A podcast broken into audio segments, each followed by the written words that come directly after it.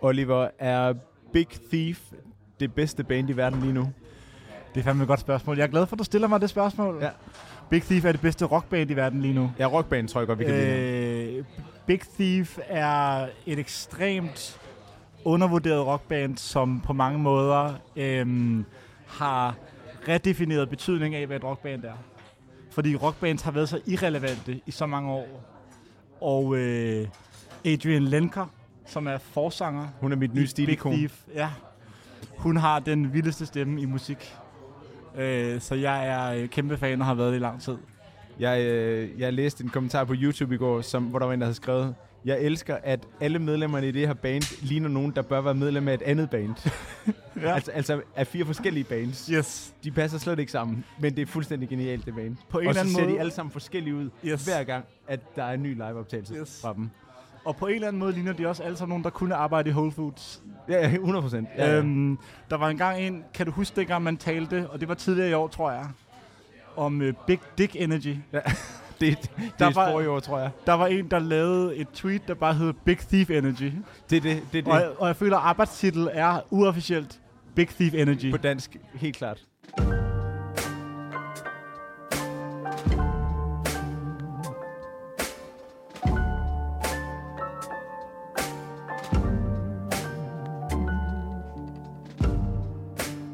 I lytter til arbejdstitel. Mit navn er Oliver Anne. Dit navn er, Christoffer Dahianst. og vi er arbejdstitel. Og i dag er der en lille smule baggrundsstøj, og det er fordi, vi er in the wild. Vi er taget ned på vores øh, absolut yndlingsrestaurant, og det sted, vi har frekventeret mest Facts. siden vi startede med, at, øh, altså i fællesskab, siden vi startede med at optage den her podcast. Facts. Manja, som ligger i Bagerstræde på København. Og vi har gæster med i dag. Vi har simpelthen legnet sådan en lille fin øh, et all-mail panel op, som Yes. skal komme og underholde lidt øh, i selskab med os. Det her er jo øh, årsafslutningen. Ja, det, det, Ja, er, øh, det er, der, er, der er glitter over det hele, og du har taget din smoking på i dag. Yes, min glitter smoking. Det her markerer jo øh, afslutningen på vores øh, første sæson i samarbejde med Euroman. Ja, Og det tænkte vi, vi måtte gøre med stil. ja. I, I en af de tidligere episoder spørger jeg dig, hvad har du tænkt dig at tage på, øh, når vi optager afslutningen? Og vil du bare lige lave et hurtigt fit-check til alle lytterne derhjemme? Jeg, jeg har, det, fordi jeg har ikke fuldt trop på det, jeg, for det er bebudet. Øh, jeg har ikke taget min, øh, hvad hedder det, øh, auberginefarvede smokingjakke på. Det er en skam. Jeg kører, øh, jeg kører en helt almindelig øh, mørkegrøn asbestiskjorte. Fair. Fair. Øhm, vi har øh, overfor os lige nu øh, Emil Norsker, som er vores redaktør på Euroman, og det er en ære at have dig med, Emil. Jo, tak. Tak er fordi du med. Ja, tak. Og så har vi øh, Philip med, som er indehaver af stedet her. Og øh, først og fremmest tak, fordi vi må være her. Tak fordi I ville komme. Det er jo, øh, altså, er der blevet Stor optaget ære. en podcast herinde før? Uh, Banæs og dyrenes konge har engang været her. Er det, det er vel en podcast? Det er- ja, det kan man godt sige. Øh, debatable, men ja, ja godt. fair, men fair. han har været her. Philip, kan du huske første gang, vi mødtes? Var det ude foran AOC? Det var ude foran Ja, ja, AOC. ja. Det var det. Det var jo på mange måder det, der var Ja. med til at føde Ja. årsagen til, at vi er her. Ja. Vil du bare kort forklare, hvad der skete? Uh, jamen, jeg har været inde og spise derinde. Selvfølgelig får man lidt at drikke og sådan noget. Og så så jeg dig køre forbi, og øh, egentlig umiddelbart for inden, der var der nogle gode venner, som havde gjort mig opmærksom på, at der var to søde fyre, som øh, øh ble, blev ved med at omtale øh, vores lille restaurant. Og så da jeg øh, øh, havde været inde og google, så kunne jeg se, genkende dig, og så cyklede du forbi, og så sagde jeg hej. Jeg kan ikke engang huske, hvad jeg sagde. Det var sådan ligesom den måde, ikke? Yes. Oliver, kan du huske, hvad han sagde? Jeg kan bare huske, at det var lidt specielt, fordi det er jo to mennesker, der ikke har mødt hinanden ja. før, som en eller anden grund ved, hvordan hinanden ser ud. Ja. Så vores øje, øje, vores øjne mødtes i natten på Dronningens Tværgade, tror jeg, det hedder. Ja. Men er det ligesom det fænomen, som er, når to sådan nogle B-celebrities Det kan jeg gøre det. i Danmark ser F- hinanden på gaden, F- selvom de ikke kender F-celebrities, hinanden, ja. så hilser de alligevel Yes. på hinanden, når de møder hinanden i køen i Føtex. Yes.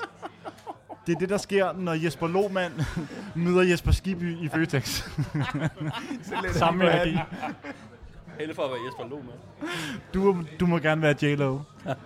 Emil, øhm, hvornår vidste du, at du havde... Øh, altså, Hvornår følte du dig sikker på, at arbejdstitel var den podcast, som I ville lockdown og ligesom gøre til en del af familien hos jer? Ah, jeg kender jo jer begge to, øhm, og hørte den fra start selvfølgelig. Øhm, måske var det det afsnit med Frederik Lenz, som selvfølgelig også er vores moderedaktør. Yes. Men øhm, Om Paris. ja, Uforglemmelig episode.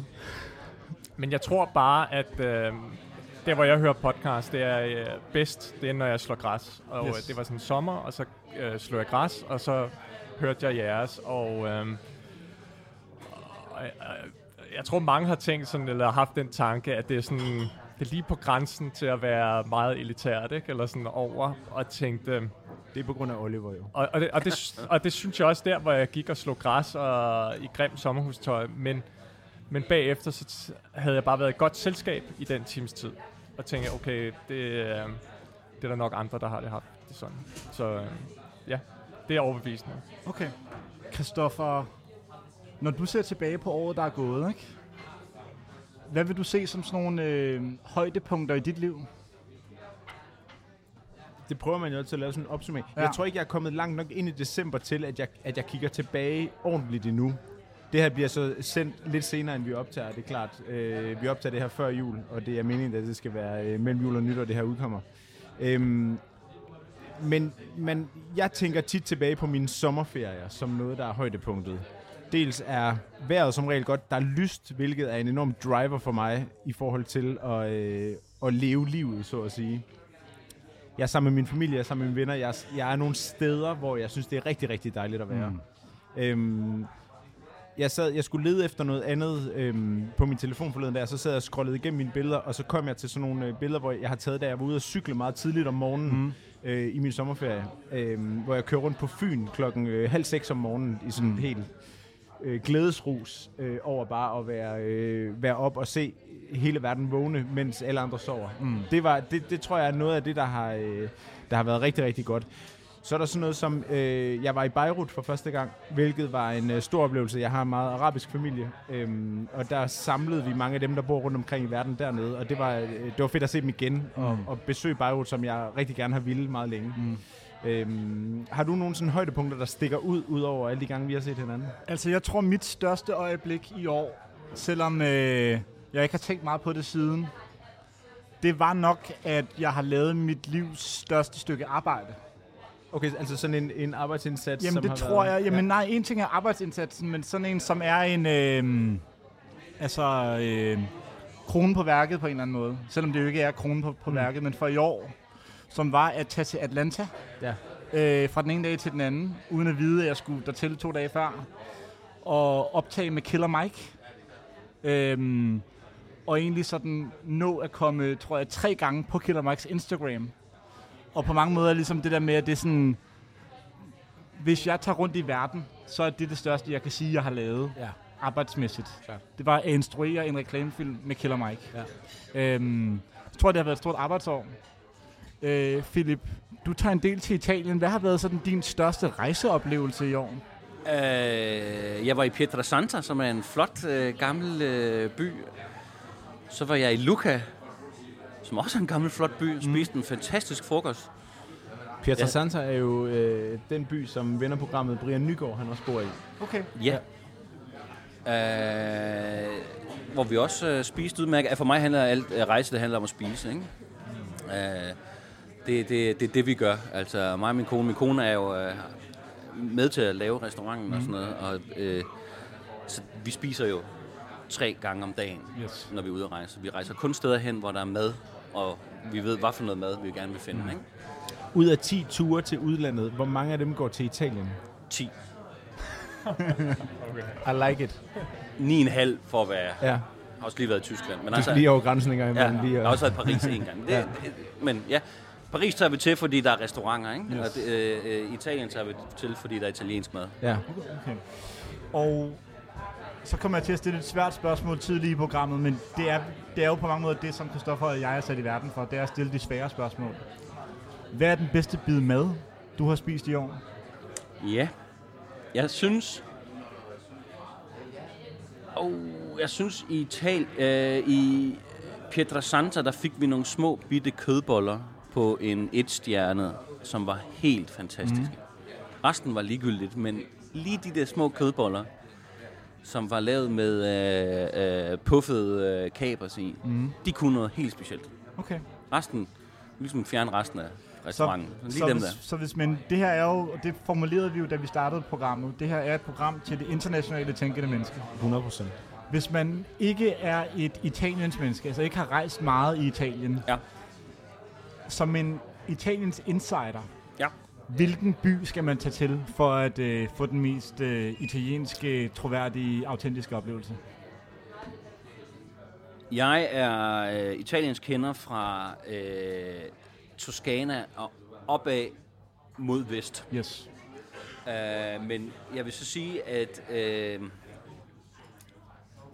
i Toskana er det altid godt, hvis du styrer udenom byerne.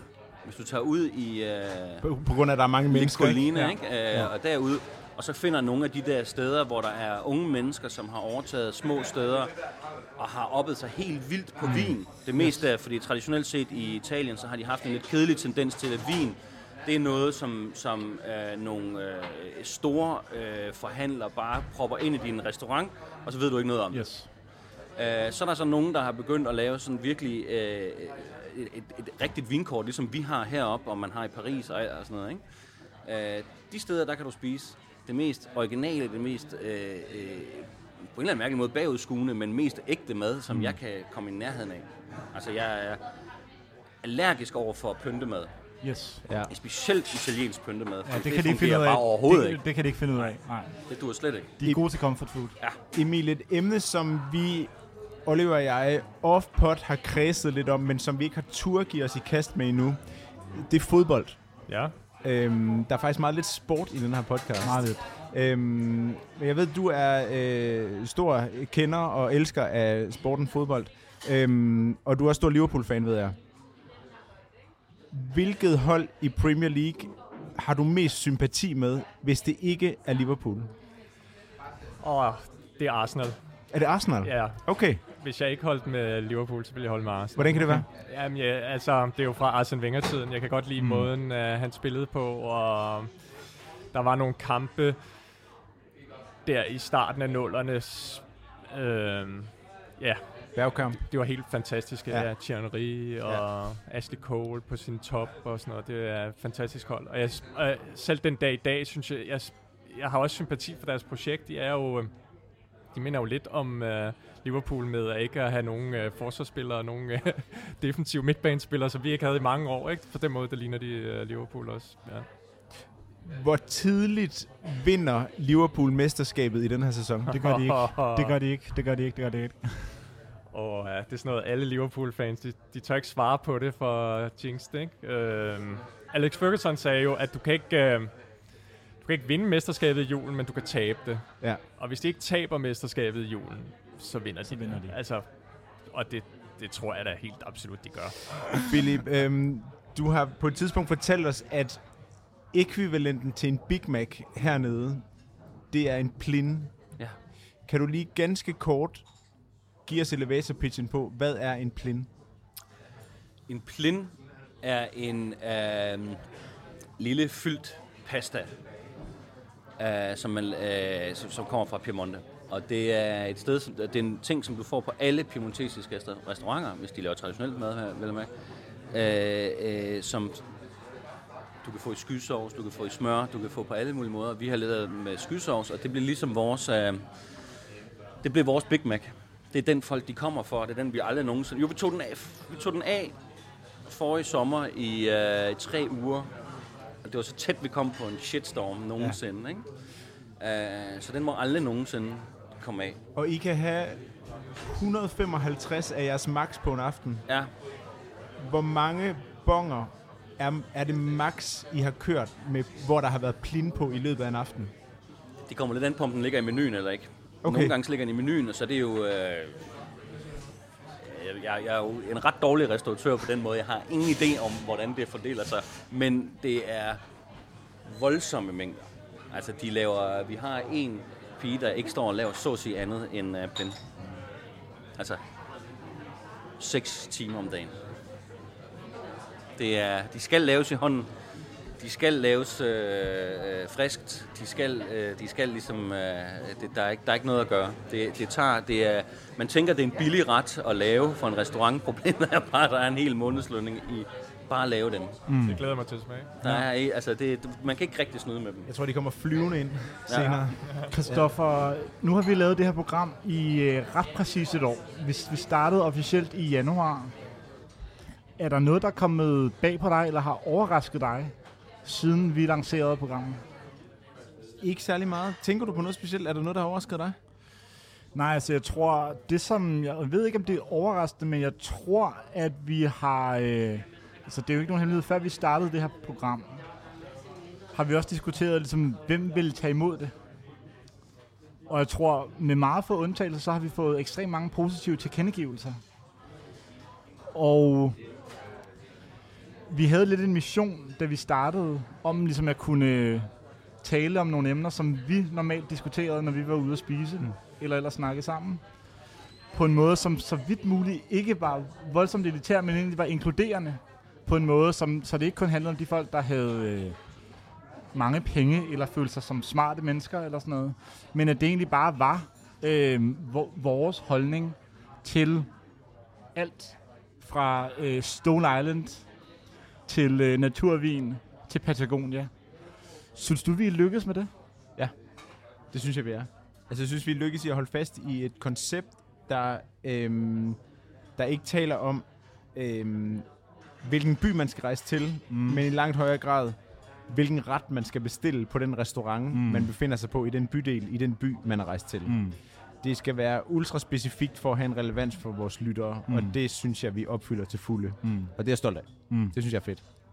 Hvis du kigger ind i 2020, Yes. har du så store mål for enten arbejde, fitness, penge, well-being, rejser? Altså, jeg har måske mere en ambition om, at jeg, jeg vil blive ved med at rejse lige så meget, som jeg gør nu. Ja. Øh, fordi jeg har virkelig fundet ud af, at... Øh, nu, sidder, nu sidder Philip og griner. Det skal vi ligesom have med på en eller anden måde. Men, øh, men den korte version er, at jeg har virkelig fundet ud af, at jeg, øh, jeg tror, jeg arbejder for at rejse. Okay, ja. Og det betyder bare, at jeg kan virkelig godt lide at være i en situation, hvor jeg kan rejse relativt ofte og se nogle nye steder. Øhm, fitness tror jeg, jeg håber ligesom bare kunne blive ved med.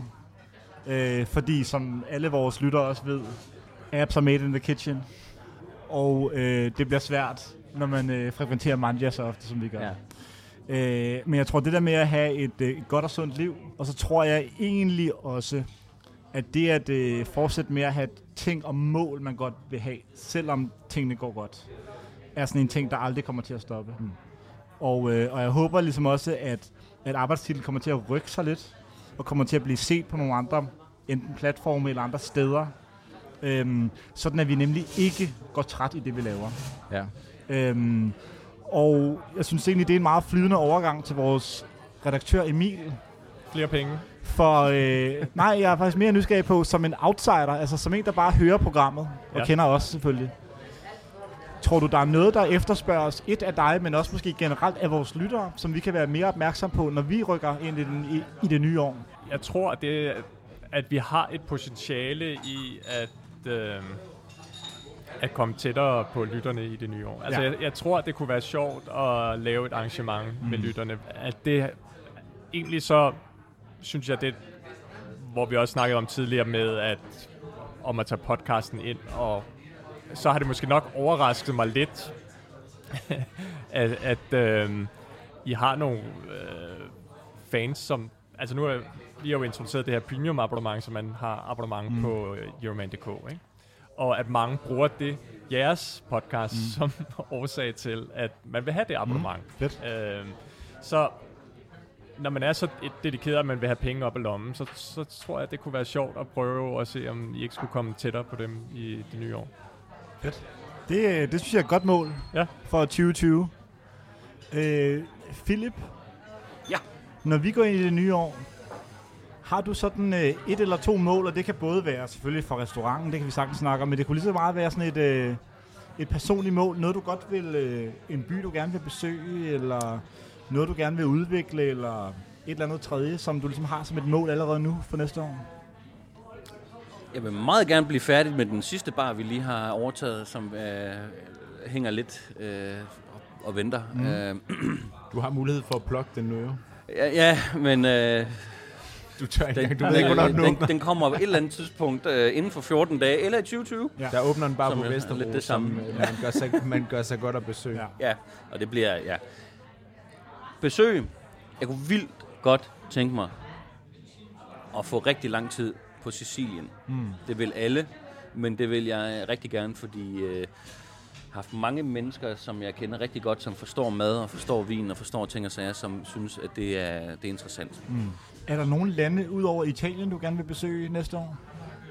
Nej, Du fortalte os sidst, du aldrig havde været i London. jeg har aldrig været i London. Det siger der ingenting. Jo, jo. Jeg har bare aldrig været der. Jeg kunne, øh, jeg kunne øh, sikkert vi- virkelig godt tænke mig at komme derover. Men, Hvad er øh, den mest berømte italienske restaurant i London? Øh, Det kommer nok også an på, hvem man spørger. Men Ja. hvis man spørger dig, ved du det? det Er det der River. Café, der River stadigvæk? Café River kunne Café godt er være et den. rigtig, rigtig godt bud. Findes den stadigvæk? Ja, Er det ja, ja, stadigvæk det den. Ja, ja. River Café er nok klart det, Det blev mest... bare lidt... Når i hvert fald man så billederne, så blev det sådan lidt Ja. ja. femse-femse på et tidspunkt. Men sådan er det jo med alle de fancy London-restauranter. Ja. Altså, de kan jo ikke tåle at gå ind i det næste stadie. Nej. Altså, bare se på Marco Pierre White, som jo også var en af de mest sådan, ikoniske London-kokke. Hans restauranter blev havlet ned, Ja. da der ligesom kom en ny bølge af restauranter, som ikke prøvede at være overordentligt fine. Jeg er så konservativ, så jeg synes slet ikke, at restauranter skal gå ind i noget næste stadie. Men er, er London ikke også den, den værste by i verden at skulle genopfinde sig selv? Jo. Fordi der er så mange, der står på, står Ja. ja. på spring og banker på. Måske lige bortset fra New York. Altså, Jo. det er, øh, Og det London må har være, jo opfundet posh. Du kan ikke, du kan jo, du kan jo, du kan ikke opfinde en institution i dag i London. Nej, Altså, det er praktisk talt umuligt. fair. Jamen, det, er, det er rigtigt. Det må være et helvede at skulle forblive noget på 10, 15, 20 år i en by som London, ja. ikke? Altså, i, bare i København er det jo... Altså, hvor mange restauranter kender vi, der sådan er 30 år gamle? Ja, ja, ja det er ikke Altså, mange. Eller 20 år gamle? Café 10 år Victor. gamle. Kong Hans. Café Victor, ja. Ja. ja. Café, det er faktisk måske et godt bud, ikke? Kong Hans har den vel også, ikke? Kong Hans. Kong Hans har også været der Kong lang Hans. tid. Institution. Ja. En, en, en institution. Har du været på Kong Hans? Philip? Nej, men ved du hvad, jeg skal derhen for første gang øh, her øh, snart. Skal du have deres 18., julefrokost? 18. Jamen, jeg er blevet inviteret med en masse øh, folk, og jeg tror, det bliver rigtig hyggeligt. Uh, lækkert. Uh, det bliver første gang, men uh, altså, steder som Kong Hans er jo, er jo mit forbillede. Altså, jeg er jo på ingen måde interesseret i at skulle genopfinde noget som helst herinde, eller, eller lave noget som helst øh, øh, øh, vildt. Min største drøm er jo bare at øh, få lov til at blive, hvor vi er, mm. og øh, holde den samme kadence. Og så selvfølgelig udvikle på kvalitet og blive bedre og bedre til alle de ting, vi kan blive bedre til, men, men øh, ingen drømme om øh, at revolutionere noget som helst. Emil, hvis det stod til dig, og du ikke skulle overveje læsere, interessenter, what have you, hvem skulle så på forsiden af Euroman i 2020? Og du må ikke sige Jürgen Klopp.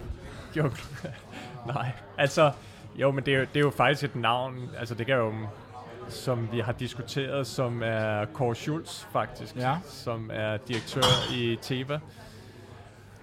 Øhm, og som bare er fascinerende alene ud fra det faktum, at de betalte 200 millioner kroner for at få ham fra Lundbæk, tror jeg det var, til, til Israel, i, hvor Teva ligger. Ikke? Og at Teva er producerer kopimedicin og har mm. altså en rigtig mange lortesager i USA lige i øjeblikket med, at de har været involveret i den her opioid-skandale og alt det her. Ikke? Så der, Jeg synes, 200 millioner skal være vores transfersum, hvis Yes. Aller eller Benjamin ringer. Ring til Emil og giv ham 200 millioner, så Så snakker splitter vi vi om det. Emil. så kommer jeg til vi møde i hvert fald. Ja. Ja. Skal vi ikke trykke øh, pause på øh, Philip og Emil, og så byde velkommen til to nye gæster, som øh, tilfældigvis lige er trådt ind ad døren. Hvor heldig kan man være? Nu har vi fået øh, to nye venner af programmet ind, og øh, vi fortsætter vores øh, all-mail panel. Det er jo Euro Main det her, og det bliver øh, Farshad fra Sankia, som øh, har sat sig over for mig, og over for dig, Oliver, der sidder Thijs Mortensen, som tidligere har været med i, øh, i arbejdstitler, som selvfølgelig skal være med i denne øh, afrunding af året, kan man sige. Yes. Yes. Nytårsepisode. Året, der gik, året, der kommer. Velkommen til begge to. Mange tak. Tak fordi du måtte komme. Det er både en, øh, en gammel ven og en ny ven af programmet. Og øh, en af de ting, vi talte om lige inden I sluttede jer til bordet, I har jo ikke kunne høre, hvad der blev snakket om, det var øh, i en fantasiverden, hvor man kan få lov til at vælge, hvem der er på forsiden af magasinet. Hvem vil man så vælge? Og Thijs På forsiden af hvad? Undskyld. af Euroman-magasinet i 2020. Og du skal ikke tænke på nogen andre end dig selv. Hvem vil du gerne se på forsiden? Oh, men det bliver, jeg, jeg vil virkelig, virkelig gerne se Hans Philip. Okay. Og ikke flere Nikolaj Likos forsider. men jeg vil virkelig gerne, men jeg tror ikke, det vil sælge særlig godt. Jeg tror, Skal du ikke være så Jeg vil på? købe- Jo, jeg tror, at hans Philip er med selv gør. Ja, det tror jeg også. Det tror jeg også. Hvad siger du, Fasha? Jeg synes, uh, du, jeg synes, det var meget godt bud, det du havde. Jeg synes, de skulle uh, putte Helle thorning Schmidt på forsiden. Ja, ikke dumt. Altså også for at bryde det der kvinde-mand-ting. yes. Hvis vi skulle bryde dit år lidt ned, ikke? Kan du så øh, nævne én ting i 2019, som du har været glad for at opleve, stolt over at have opnået? Og så en ting i 2020, som du ser frem til? Altså sådan noget arbejdsmæssigt. Det kan være alt. Så havde jeg en udstilling i, i Los Angeles, men det var faktisk i december. Nej, det var i februar. Så det var i 19, som var en stor ting for mig. Mm. Både for ligesom, øh, det er altid spændende at, ligesom, at, at, at, at se, hvad det, man laver, kan i andre kulturer. Så det var en kæmpe ting for mig.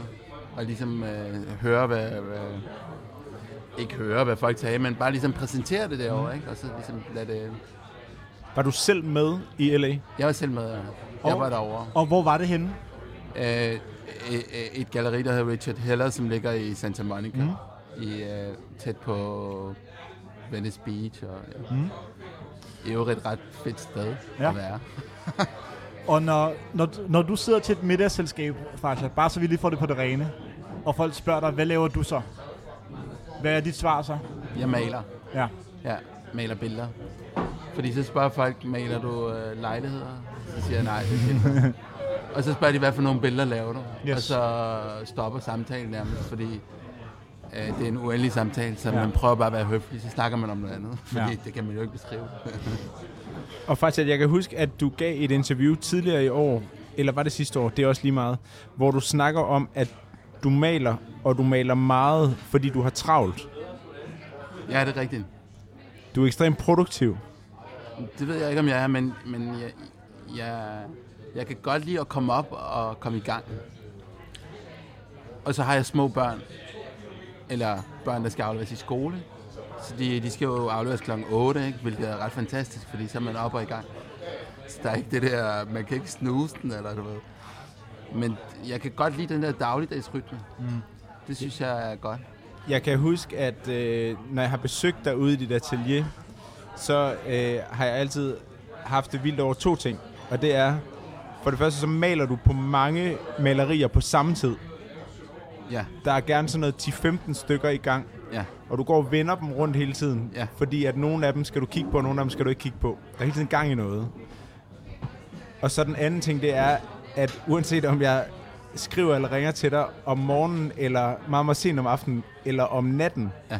så er du ude i det atelier. ja. Det er ret taknemmeligt. Også fordi, at øh, min Du, altså, du arbejder er- altid. Ja. Min situation privat er jo på en måde, hvor jeg kan ligesom øh, få lov til det, hvilket er ret taknemmelig det. Og så øh, har jeg stadig lyst, øh, at jeg har vildt meget lyst til at være der og, og, og, og male. Og så er det jo sådan en... Øh, det lyder jo som om, at jeg laver mange ting, men det gør jeg ikke. Altså, men, men jeg, jeg laver noget hele tiden. Ligesom der er mange øh, sådan nogle... Øh, øh, skitser, eller sådan, du ved. Så det er det der med at holde sig i gang, og så kommer der noget lige pludselig. Jeg kan huske, jeg, kan huske, jeg var ude ved dig her for et par måneder siden, hvor, hvor, øh, hvor du havde en periode, hvor du ikke malede, men du, du var bare i dit atelier Ja, og klode på ting. og glodede på ting. Ja, og det synes på jeg var ting. ret sjovt. Ja, ja. Og jeg skal lige høre bare lige en sidste ting. Hvad ser du frem til næste år? Jeg ved det ikke. Jeg har lidt... jeg Privat, det bare sådan en dag ad gangen. arbejdsmæssigt. Er der noget, øh, du sådan arbejder frem mod? Ja, altså, jeg har nogle udstillinger, og, og, og privat, ved jeg ikke. Altså, du ved...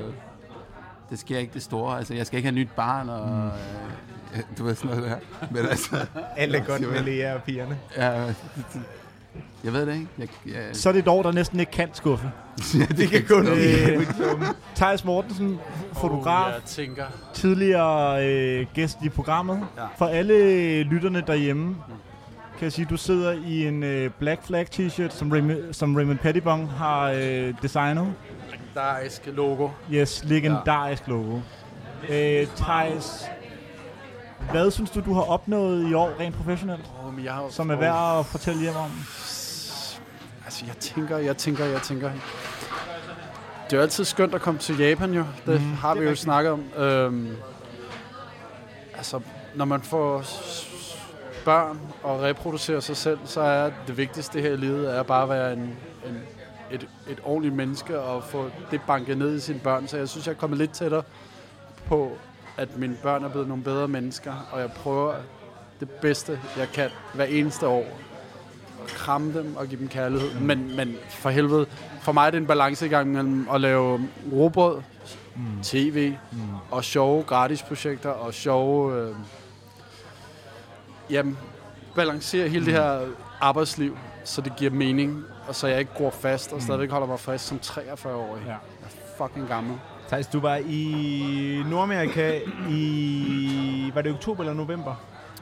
Ja, øh, her for to-tre uger siden Ja, med to boys. med to boys, hvor du... Øh, og hvis vi lige laver en recap på det program, vi optog øh, tilbage, det må nok have været september-oktober, ja. Hvor du var gæst i Arbejdstitel. Ja. Der snakker vi om nogle af de ting, som du altid shopper i øh. Ja. USA, når du er derovre. Hvad var den sjoveste ting, du købte, da du var herovre for nylig? Og jeg købte endnu en uh, cowboy hat i Texas, fordi jeg fandt ud af, at der var sådan en Stetson Factory. Stetson blev stadigvæk produceret i Texas, okay. I Dallas, Texas. Det er den originale cowboy hat, ikke? Ja, præcis. Ja. Og så havde de sådan et sale på alle os, der har store hoveder, for 7,5 og op efter. Ah. Så sådan nogle... Øh, og der, der købte jeg en øh, sådan Stetson-model, der hedder Open Road, som LBJ. LBJ var præsidenten, der overtog for JFK, da han blev smukket i Lyndon B. face. Johnson. Lyndon B. Johnson. Han gik nemlig med sådan en open road, som egentlig er bare sådan en, øh, som er sådan en, øh, sådan en lille cowboy hat, som du kan have på ind i din, i din pickup truck og whatnot. Og den var rigtig fin, og jeg fik en lille fjer i og gav 70 dollars for den. Mm. Og den blev fedtet, og der stod sådan en mand, som man så gav 5 dollars og sagde, hey. Er det sydstatsversionen af at købe noget uso på sin øh, tur til Grækenland, og så komme hjem og tænke, det fungerer ikke derhjemme? Ah, men jeg har Eller har du gået med den, da, Jeg har siden du gået kom med hjem? den, og jeg ville egentlig have taget den med, men så var jeg bange for, at det regnede i dag, og det er sådan filt. Normalt køber jeg altid de der straw, Ja, de er sådan lidt mere wetback, country, kicker, ægte cowboy hat. Men det her, den, den er sådan filt, det er sådan en rigtig flot hat, men man ligner lidt et fjols. Men Kan du huske, da du lagde et billede op på Instagram, mm. af dig selv i hatten, der gav det super god mening. så var det første, jeg skrev til dig, det var, den har du også på, når du kommer hjem til Danmark. Ej, ja. Det var det første, Men, jeg men fangede jeg mig havde på. den på hjem. Altså, Okay, fedt. Den blev håndbåret, og Yes. jeg gik med den, og i min her går det godt militærjakke. Det var, det var helt forfærdeligt. Okay. Hvad var så den højdepunktet madmæssigt for dig på din øh, sidste rejse til USA? Jamen, det var for bange for at sige in and out, men jeg Ja. synes, det er skide lækkert. Yes. og, og så har jeg grinerne over at tage i Costco og spise sådan noget halvanden dollars slice. Ja. Altså, jeg spiser jo ikke godt. Og dem Okay. spiste du ret mange af, da jeg fulgte med på dine stories på Instagram, Ja. hvor du er i et, i et, sådan et supermarked, eller hvad hedder det? Ja, altså Jamen, det, er, jo sådan et, Det amerikanske svar på Inko. og så er der sådan en food court, Jamen, hvor så er du så op og bestille øh, one dollar pizza slices. Ja, Og dem spiser du ret mange af. ja det er ikke så... ud, og, ud og løbe, ikke? Det Du var er godt skide slank jo. Men altså, øh, Farshad, hvilken øh, madret tror du, du har spist mest i 2019? Altså, jeg spiser meget sådan noget ost og brød-agtigt ting, Ja. ja. du ved, når jeg er på, på atelieret og sådan noget. Og så spiser jeg, fordi der ligger sådan Max Burger ret tæt på, så spiser jeg også sådan øh, jævnligt.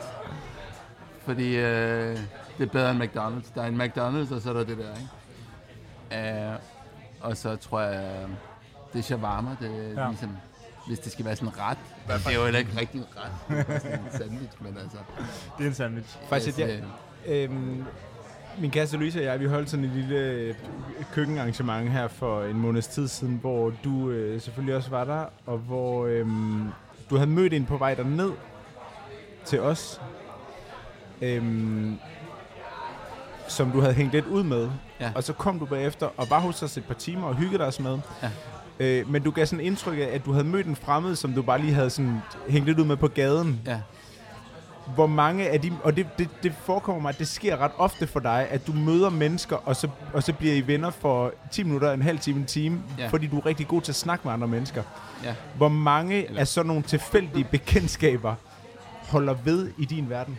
Altså, fordi når man først har mødt hinanden, så har man jo mødt hinanden. Ja. Så ligesom, så hver gang man ser hinanden igen, så hilser man, og så, så det hænger ved. Altså, indtil man, man ligesom ikke kan kende hinanden.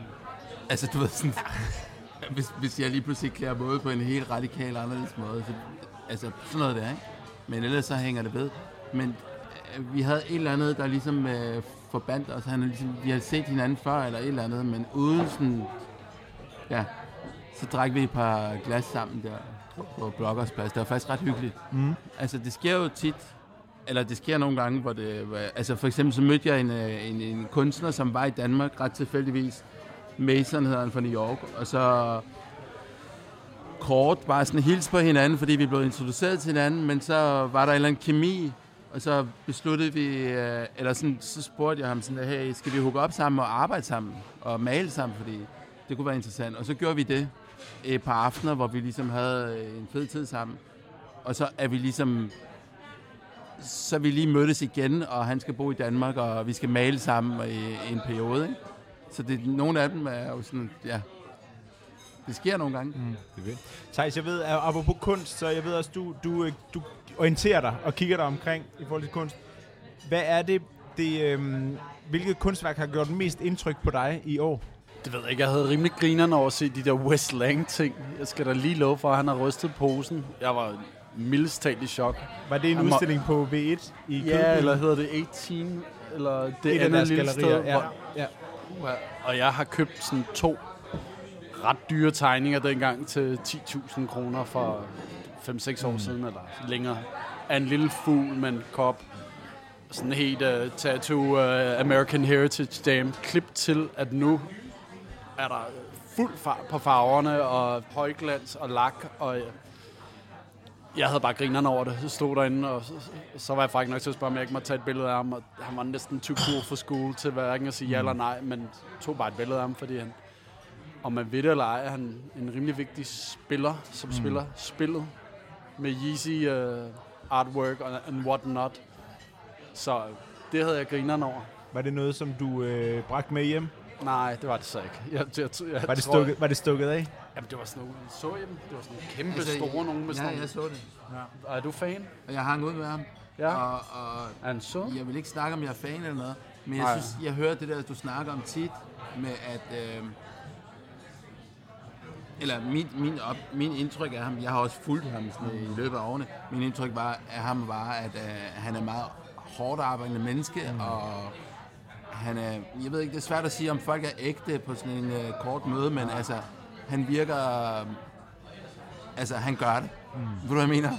Altså, det er sådan en, øh, og så så jeg det der, øh, det var jo et fantastisk rum at være i. Mm. Det var jo helt vanvittigt fedt. Også fordi det fuckede med ens ligesom, øh, øh, præfortaget øh, øh, indtryk af, hvad man gerne vil se, ikke? Og så jo. blev det ligesom mødt med noget helt andet. Præcis. Og bare det der chok, synes jeg, havde jeg det vanvittigt fedt over.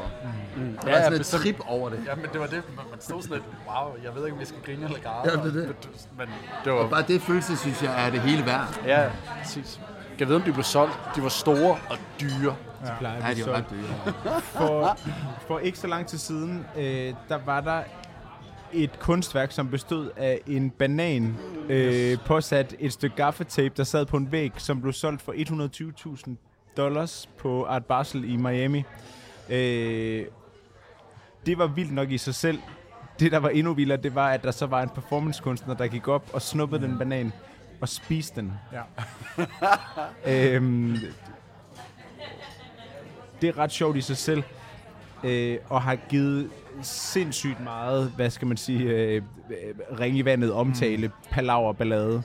Øh, meget mere end den kunstner, der har lavet banan, banan med gaffatape, nogensinde kunne ønske sig. Mm. Øhm, og det er blevet sådan en meme-ting nu. Øh, det var egentlig bare en bro, Oliver, til at spørge, hvis man følger dig på Instagram, så poster du ret tit enkelstående motiver fra udstillinger, du ser både i indland og udland. Hvilke kunstinstitutioner eller steder i udlandet har betyder sådan meget for dig, når du rejser? Altså, jeg tror, en stor del af det har været, at jeg... Øh, jeg har været en del i New York i år, og har sådan øh, syntes, det var ret fedt at se en del ting up close. Altså, jeg havde aldrig set øh, John Baldessari øh, sådan live før i år, som hang på øh, Marion Goodmans galleri i New York. Øhm, og jeg tror, det der Art Basel, altså jeg tror, vi, vi kommer tættere og tættere på en virkelighed, hvor at kunst bliver så stor en del af popkultur, at de ikke rigtig kan sådan øh, adskilles. Altså, West Lang er et meget godt eksempel, fordi han designede merchandise fra Kanye West, hvilket var en af de ting, der gjorde han virkelig sådan propellet og blev et kæmpe navn. Mo- Mo- Mauricio Catalan, som har lavet den banan, lavede også et guldtoilet på et tidspunkt, som også var blevet udstillet. Og har også været sådan en, altså en stor ting, der blev talt om. Jeg tror for mig, så har jeg fundet ud af, at, øh, at det der med at rejse for kunst, uanset om man køber det eller ej, egentlig er sådan en, øh, en meget fed måde at rejse på, fordi det er en eller anden grad tillader. Der kommer lidt lyd her, men sådan er det, når man optager på en restaurant. Øh, så jeg gør altid en dyd ud af, når jeg er i en by, at se, hvad der er af moderne kunstmuseer. Og jeg tror, jeg engang sådan lidt for sjov har sagt, at jeg ikke rejser til en by, hvis der ikke er en third wave kaffebar og et moderne kunstmuseum. Som sikkert er at sætte tingene lidt på spidsen. Øhm, Christoffer, en af de ting, som vi har talt om, er, øh, altså, hvor vi gerne vil rejse hen næste år. Har du nogle ting på din liste, som er sådan en, øh, en bucket list ting? Altså jeg kan sige for mig selv, at for mig var det i år at tage til Los Angeles, hvor jeg aldrig har været før. Har du sådan en ting for næste år, hvor du tænker, det vil jeg fandme gerne opleve? Øhm, ja, det har jeg. Altså, jeg vil rigtig gerne til øhm, enten til Comosøen, eller den, der hedder Iseo, Lago di Iseo, som ligger i Norditalien. Øhm, ikke så langt fra Milano. Der kunne jeg godt tænke mig at tage op i forlængelse af en tur til Milano. Mm. Øhm, jeg vil altid gerne til Tokyo, og jeg tror snart, at jeg bliver nødt til at komme, mm. altså lade det ske. Og det, øh, jeg tror, det bliver en efterårsting. Thijs, Ja. han sidder og øh, har thumbs up derovre. Ja. Øhm, det er vist bare et spørgsmål om tid, Der er en åbenbar regning derude. Ja. Ja, Du kommer bare. jeg sætter den på Thijs' Thijs, er der et sted, du gerne vil rejse hen næste år? Jeg gad snart godt at komme ud over mine comfort zones og lade være med at tage til alle de der safe houses. Mm. San Francisco, Texas, Tokyo. Så jeg gad godt snart at tage sådan på... Jeg kunne godt tænke mig at komme til Mongoliet, til mm. Bator, Ja. hedder det ikke det? Og komme ud på det højsletten. Mm. Men, men det er sådan en... Var du inde og se det der Mongoliet-udstilling på Nej. øh, Nationalmuseet? Nej, Det men var det, har, fantastisk. men det ser skideskønt ud. Ja. At stå derude, den der højslette, Ja, ja. og hvor de bor i de der huts. Det gad jeg egentlig godt. Vil du så rejse solo, eller vil du rejse med dine børn, eller hvordan? Det er jo det, ikke? Altså, fordi man har en tendens til at... Her til sommer er planen at, at flytte til San Francisco, og så øh, roadtrippe med mine Yes. børn på 9 og 11. De bliver så 10 og 12, mens vi er der. Mm. Roadtrippe fra San Francisco til Dallas. Fedt. Via Roswell, New Mexico og Las Vegas selvfølgelig. Yes. Så de får det mest basale, sådan yes. Mos ned i hovedet. Ja. US Knowledge. Jamen, det er rimelig... Men ja, uh, Mongoliet. ja. Farshad, har du nogle steder på din øh, liste over steder, du gerne vil besøge næste år? Øh, ja, men det er sådan meget kedeligt. Altså, jeg gad godt til sådan noget Paris-agtigt og sådan, Ja. noget. sådan noget familietur. Mm. Måske. Er, er der nogle steder, du ikke har set endnu, som du gerne vil opleve? Jamen, jeg gad godt tilbage til Iran. Altså, et sted, som jeg har set faktisk. Men, og så tage videre, og så se nogle steder, som jeg ikke har set. Som jeg håber lidt på, kan komme til at ske næste år. Mm. Jeg håber meget på det, men det er sådan lidt... Øh, ja, det er sådan lidt usikkert. Ja. Har du nogle udstillinger, som du allerede ved, du skal lave til næste år? Øh, ja. Jeg skal blandt andet lave en udstilling her i København. Øh, sammen med ham fyren Mason, som Mm. jeg mødte der. Men det er sådan en ting... Øh, det er jo selvfølgelig afhængigt af, om hvordan det bliver. Og det Klart. Så det er sådan i gang nu. Ja. Det er det eneste ligesom, øh, faste ting, jeg har. Okay. Du har ikke nogen intention om at tage til Art Basel og spise en øh, banan, som hænger fast på en væg til næste år? Nej. Det er ikke en del af dine kunstplaner? Øh, I øvrigt synes jeg, det er vanvittigt mod, øh, modigt at gøre sådan noget der. Det er helt vildt Og Jeg modigt, synes, det, er, ja. det, det, det er en god måde at samle bolden op på. Ja. Og ligesom at, at, at, jeg ved ikke, hvad intentioner har været på det, men det er en meget smuk gestus på en eller anden måde. Ikke? Jeg elsker det. Jeg synes, det er genialt, Ja. når noget det kan skabe så meget røre. Ja. Altså, det er fantastisk. Det er det At mest det kan skabe en handling, det er jo Ja. det bedste. 100. Jeg tror, vi skal øh, byde velkommen til vores elskede segment Overvurderet Undervurderet. Yes. Nu med øh, Emil Norsker og Philip Yes. som gæster. Og I to kommer tilbage lige om lidt, og så skal vi også snakke over det og undervurderet. Modtaget. Nu har vi fået øh, vores øh, to første gæster tilbage i huset. Philip fra Mangia, Emil Norsker. Øh, og vi er nået, som du så fint sagde før, til vores øh, havede og elskede, ikoniske indslag, overvurderet undervurderet. Og øh, vi er jo i en ny situation, Ja, fordi jeg tror, vi skal, øh, vi skal prøve for en gang skyld, at det ikke er en af os, der har taget noget med, men rent faktisk er vores gæster, der har taget noget med. Ja. Så øh, det er spændende. nu sidder vi igen over for Emil og Philip. Og øh, Emil, vil du ikke starte med en af de ting, du har taget med? Det er hende her. Det er ikke den lille havfru, I skal vurdere, om er overvurderet eller undervurderet, selvom hun er selvfølgelig Ja. groft undervurderet. Men øh, det er Østerbro. Okay, Østerbro, klart. Hun, hun repræsenterer Østerbro. Okay, ah, det er fandme godt. Okay. Altså, jeg tror, Emil har været... Øh, jeg gætter på, at du har været i en eller anden turist øh, souvenirbutik. Yes. øh, hvorhen køber man sådan noget her? Jamen, øh, jeg måtte faktisk ind på strøget Ja, og købe. Det, det er en lille øh, sten, hvor den lille havfru i øh, forguldet version øh, sidder, og så står der København med et Danmarks flag øh, henover. Ja. Øhm, og den lille havfru bor jo øh, på det yderste af... Ja, gør hun det? Lange linje er Lange det yderste linje, Østerbro. Ja, det er, Ja, det er Østerbro. definitionsspørgsmål. Det er en, Om det hører til Indre By om det er eller- Indre By ja. eller ej, Ja. men Jeg køber den. Jeg køber den. Østerbro føler, Østerbro kan, godt, øh, Østerbro. Østerbro kan godt claime den lille havfru, ja. Ja. jeg våge på at stå. Det er et godt spørgsmål. Altså, øh, der sidder jo en omkring det her bord, minimum en, som er opvokset på Østerbro. Jeg er født og opvokset på Østerbro. Og øh, man skal passe på med at kritisere øh, Anders home turf, så det tror jeg faktisk ikke, jeg vil gøre. Øh, jeg kørte på, jeg kørte igennem Østerbro ja. i bil øh, i lørdags sammen med min kæreste, og, øh, og hun sagde noget i retning af, hvorfor er det nu, du hader Østerbro så meget? øh, og så sagde jeg, det, det tror jeg altså ikke, jeg har sagt, men, øhm, men jeg har, det er den bydel i København, jeg har, jeg har mindst relation til. Det er den, klart den bydel, jeg har befundet mig, mig mindst i. Øh, mindre end, end, øh, end Amager og hvad der ellers findes af, af udkantsbydele i København. Øhm, der er jo nogle institutioner på Østerbro, som der fortjener en honorable mention. Altså, der findes jo Guds, øhm, rigtigt. som er venner af programmet, som, som jeg ikke kan nævne Østerbro uden også at nævne dem, fordi de holder om nogen fanen højt Ja. øh, i 2100 København Ø. Øhm, Gumandiet synes jeg også er værd at nævne. Øh, så er der også det meget omdiskuterede Fischer, som til et stort chok for mange har lagt hele deres køkken om til nu kun at handle om pizzaer. Ej, det er faktisk pasdagen efter der- folkelige der- protester. der er pasdagen pasdagen Er de gået tilbage. tilbage igen? Ja. Okay, men det er jo så public service announcement Ja, her, at PSA, øh, gratis reklame. det var en, øh, en, en hjerneblødning fra deres side. Men, Men er Christoffer, jeg tror, vi er der, hvor vi skal have et svar ja, fra ja, dig. ja, ja, undskyld. Klart, jeg synes helt klart, at Østerbro er overvurderet. Ja. Altså, jeg er jo, øh, jeg er jo født og opvokset på Østerbro, som du også siger. Indre Østerbro, Det er også. ja. lige ved søerne, ja. ja. Øhm, altså, så jeg, øh, jeg er jo selvfølgelig bias her. Det, jeg har talt med, jeg har, mine forældre bor stadig på Østerbro i samme lejlighed, som jeg er vokset op i. Jeg er født på Rigshospitalet. Min bror bor i samme opgang, som vi er opvokset i. Mine forældre bor anden til venstre, min bror bor tredje til højre. Så jeg kommer der, jeg spiser mandagsmiddag hver mandag, sjovt nok, hos mine forældre på Østerbro. Øhm, men jeg er også flyttet fra Østerbro. Og det er jeg af den årsag, at jeg kan ikke finde særlig mange steder på Østerbro, som jeg vil rejse for fra andre bydele for at tage til. Og derfor bliver jeg også nødt til at forholde mig nogenlunde objektivt til Østerbro som en bydel.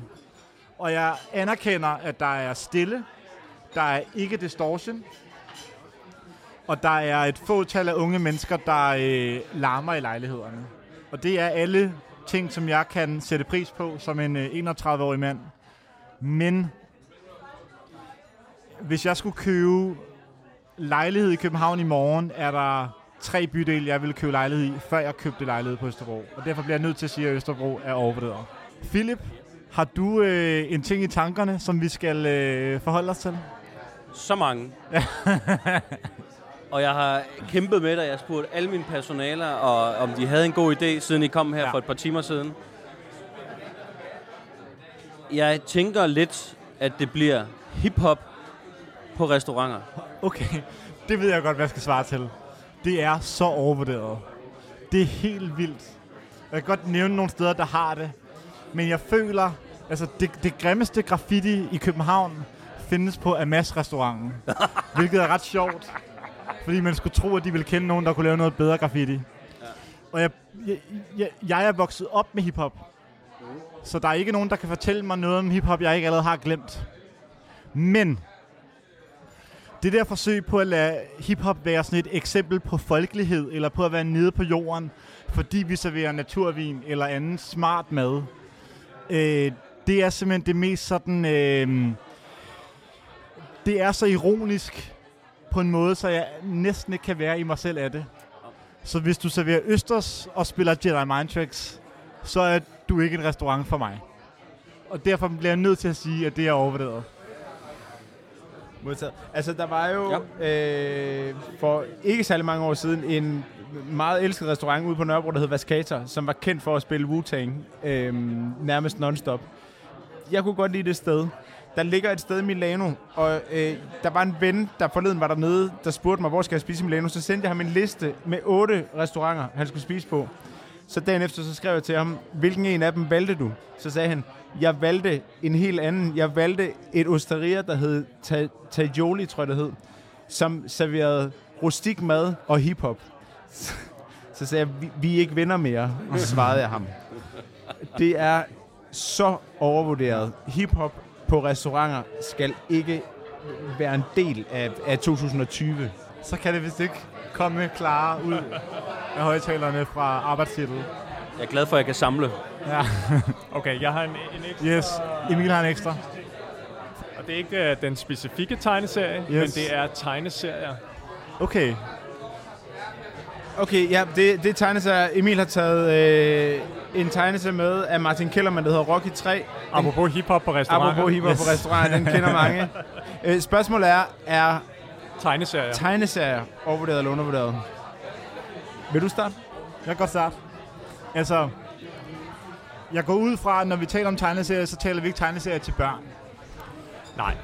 Og der vil jeg sige, øh, og det er i hvert fald bare min, min egen udlægning af det, tegneserier til børn, super godt. Altså, tegnefilm, tegneserier. Jeg hader nørdekultur. Og det vil sige, at en, en hver ting, hvor sådan voksne mænd interesserer sig for Star Wars, eller animerede film, eller tegneserier, eller tegner, eller samler på sådan nogle tegneserieagtige ting, det kan jeg ikke forligne mig med. Og det der med, det bliver sådan en ting, hvor nemlig voksne mennesker skal tale om øh, superheltefilm, se superheltefilm og sådan noget. Der er jeg ude. Og derfor har jeg sådan lidt uofficielt lavet en regel for mig selv, at, at jeg ser ikke film, der er animeret. Og der må tegneserier falde i samme kategori. At jeg ser det, men jeg ser det ikke. Og derfor bliver det nødt til at være øh, overvurderet. Jeg, jeg læste rigtig meget Sten og Stoffer, da jeg var øh, lille. Eller ikke lille, men øh, 23 år. barn 23 år her for nogle år siden. Og øhm, elskede det. Og, og faldt over nogle af dem for nylig faktisk, og prøvede at læse dem igen. Og det, der, det, der slog mig, da jeg, prøv, da jeg læste dem igen, det var, da jeg var de der 13-14 år, hvor jeg læste dem øh, konstant, det var, at min øh, moster og hendes mand også læste dem. Og de var jo voksne mennesker på det tidspunkt. Er det stadigvæk. Og, og de elskede dem. Og så tænkte jeg, da jeg var barn, tænk, at jeg læser noget, som voksne mennesker også har glæde af. Jeg glæder mig til, at jeg bliver voksen, så jeg forstår det på et måske et andet niveau, eller fordi der må være mere i det her, som jeg ikke ser, som er sindssygt interessant. Det er det bare ikke.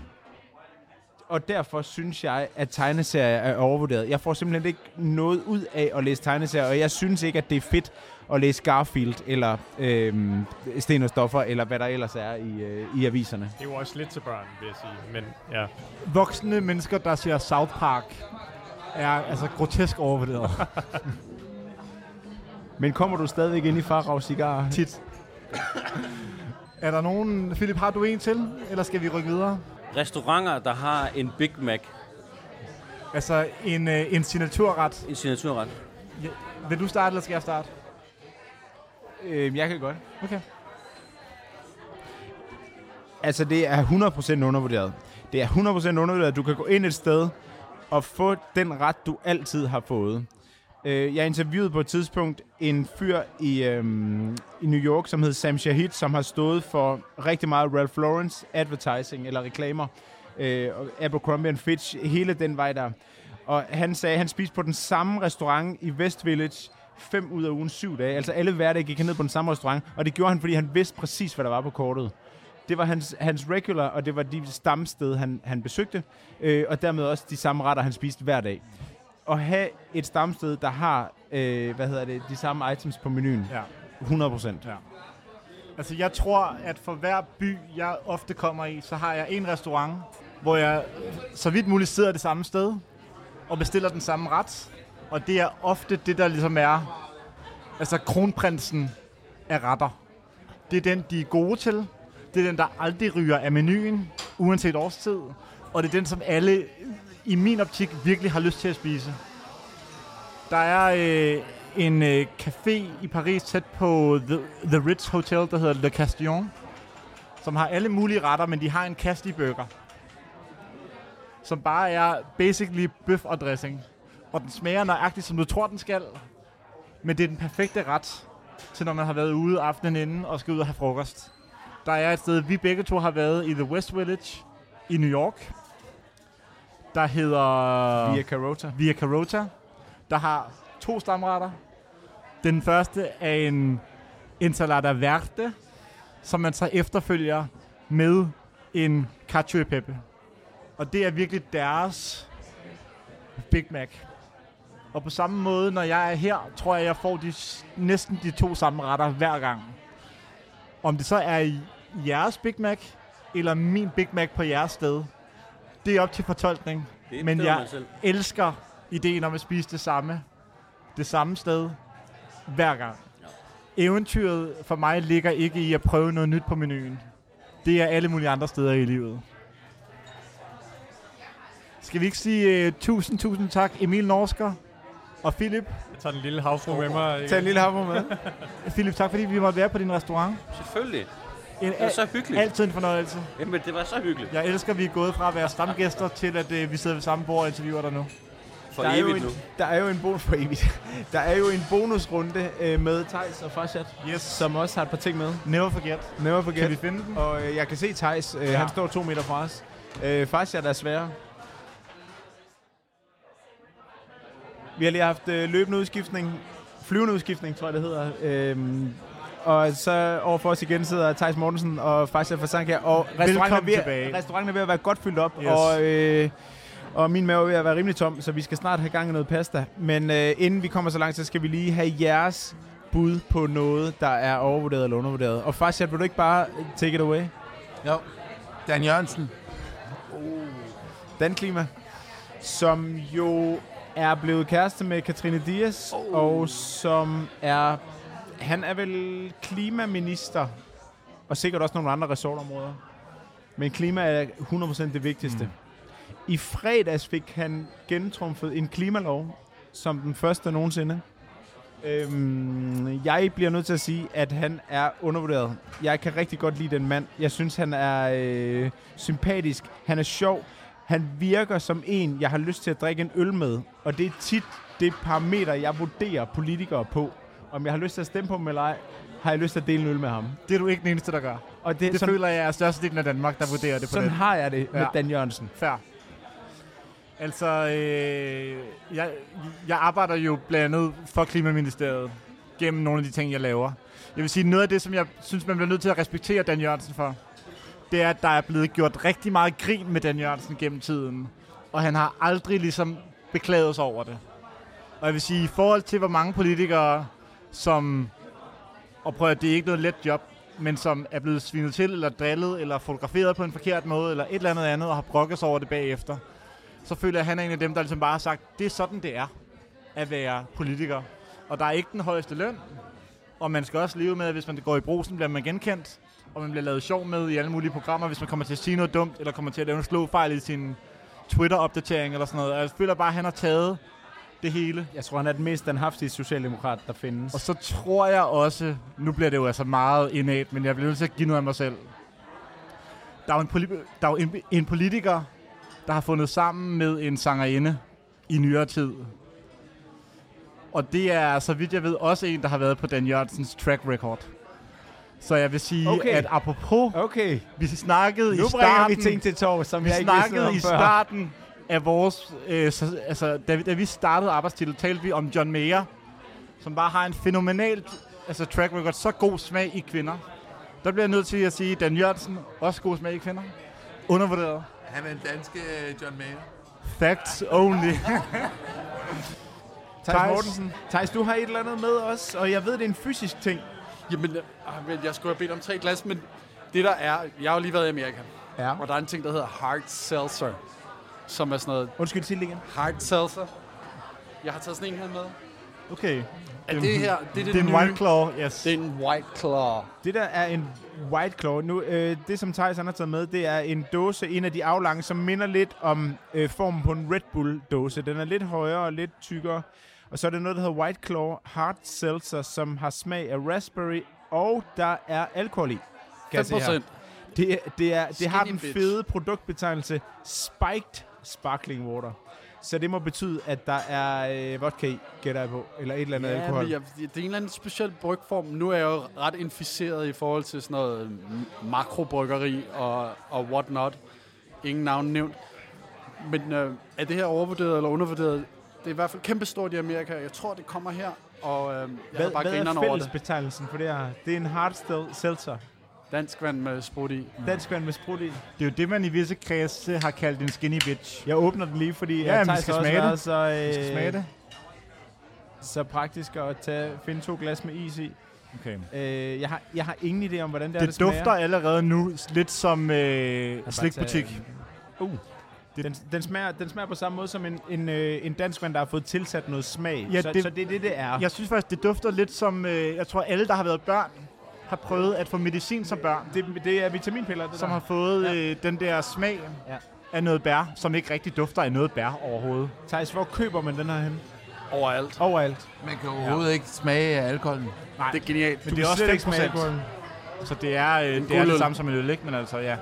Det er også et stort glas, vi har fået her, i forhold til, hvor lidt man har lyst til at drikke det.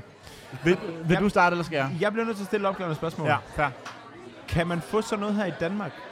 Det, det tror jeg ikke. Tror jeg ikke, man kan. Jeg, jeg tror ikke, og det, det, det, er- det er også blevet sådan en meme-agtig ting, ikke? Ja. Og også i craft beer-verdenen er White Claw is killing craft beer. Og sådan, ja ja. Der kommer en modreaktion for den gode smag fra naturvinen og, og makro mikrobryggerierne. Du kom til at associere en naturvin med god smag der. Jeg tror, du har lavet en talefejl. Au. Undskyld. Okay, men så- nu bliver du nødt til at sætte det endnu mere i perspektiv for mig. Hvorledes er det her relateret til noget, der har enten god eller dårlig smag? Er det her et produkt, der henvender sig til low-life America?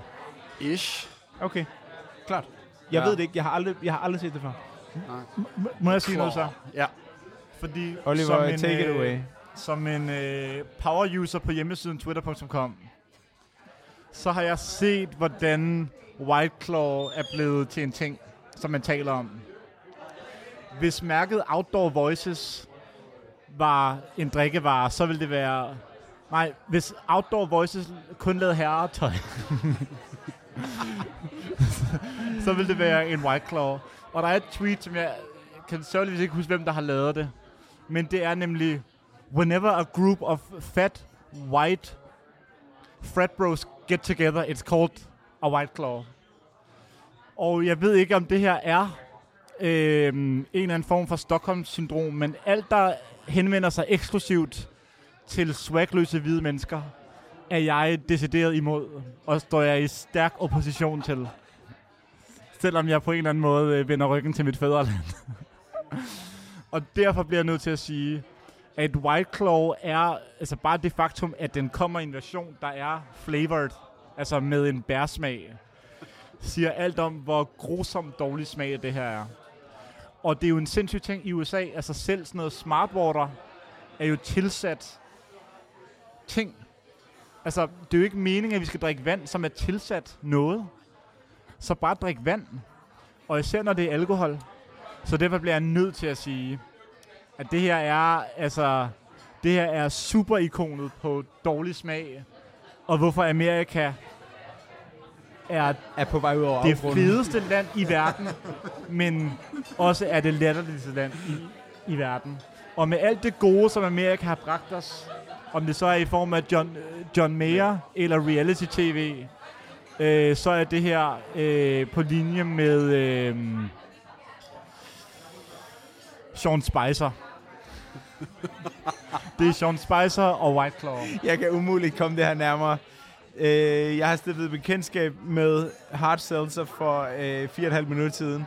Og øh, altså, spiked sparkling water med hindbærsmag, det er nødt til at være overvurderet. For jeg kan ikke forestille mig at rejse til USA, blive inviteret hjem til nogen, jeg har lyst til at hænge ud med, mm. som så serverer det her for mig. Sorry, Thijs. så derfor så er det overvurderet. Thijs, jeg bliver nødt til at høre dig. No Hvad synes feelings. du om det her? Jeg, jeg synes, det er grineren. Jamen, det kan jeg godt forstå. Jeg er der fascineret kommer, af det. Der kommer en modreaktion. Lidt ligesom jeg spiser 1 dollar slice i Costco, og, og elsker at tage på Pizza Hut og spise alt muligt andet crap i Amerika, så er det jo en modreaktion for den gode smag. Jeg kan også godt lide at spise hos Milke og få 12 retter og drikke naturvin. Men, øh, men så, det, ja, det, det, det bliver jo bare i den ene grøft og den anden grøft. Jeg synes bare, det er sjovt. Og jeg synes, I skulle lige have et heads up. Jeg vil ved på, om et år eller to, så er de inde på det danske marked, eller så er der... Altså, det er jo ikke sådan en Smirnoff Ice sød smag, mm. men derhen af.